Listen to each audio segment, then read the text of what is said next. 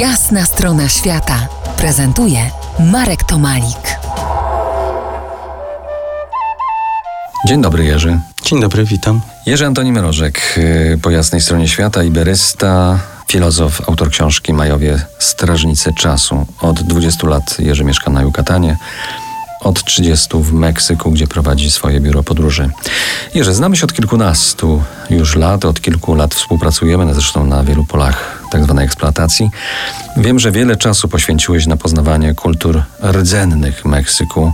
Skąd u ciebie ten organiczny napęd Y, skąd ten organiczny napęd? Y, to tak trudno jednym, jednym słowem odpowiedzieć, ale jest y, takie wewnętrzne przeczucie. Ja mam takie wewnętrzne przeczucie, że jakkolwiek nazwać napęd, obecność, ona jest od zawsze. W każdym razie wszystko, co się wydarza po drodze, jest takim albo posiada takie momenty, które powodują, że y, no może jak to déjà vu trochę, że ma się poczucie, że tak tu się było, to znaczy może jest się w tym miejscu, które gdzieś było y, y, zaplanowane. To jest trochę chyba wynik, wynik pozwolenia na to, żeby płynąć tam, gdzie wartkie nurty płyną. Tu oddam hołd mojemu imiennikowi, ale od nazwiska. Mrożek Sławomir miał takie takie opowiadanie, ci co mnie niosą. I to opowiadanie jakoś ze mną jest od czasu, kiedy ja się pojawiłem w Meksyku, bo to się pojawiło bezwiednie, bez woli i na, tak właśnie na, trochę na tej zasadzie, na, zasadzie pozwolenia się ponieść. I w tę stronę później podryfowała, ale nie w wyniku poszukiwań, tylko wiele później podryfowała ta tratwa w trochę w stronę rdzenną, czyli coś gdzieś było, żeby pojawić się później.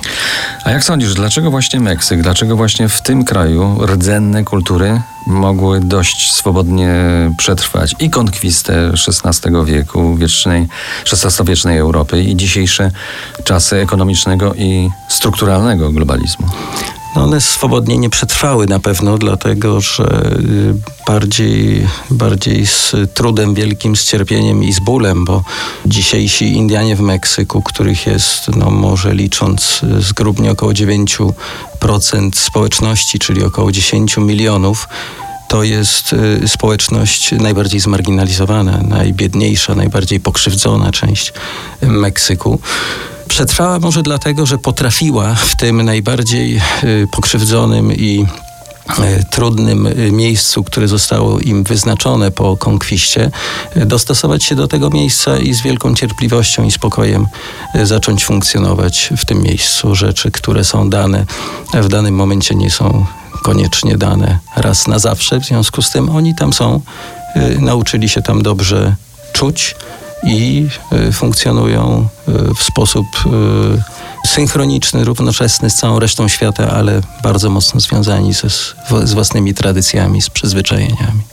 Za kilka muzycznych chwil rozpoczniemy podróż po ceremonialnym Meksyku, a zaczniemy tę podróż od odwiedzenia Indian Hucioli. Zostańcie z nami po jasnej stronie świata. To jest jasna strona świata w RMS Classic.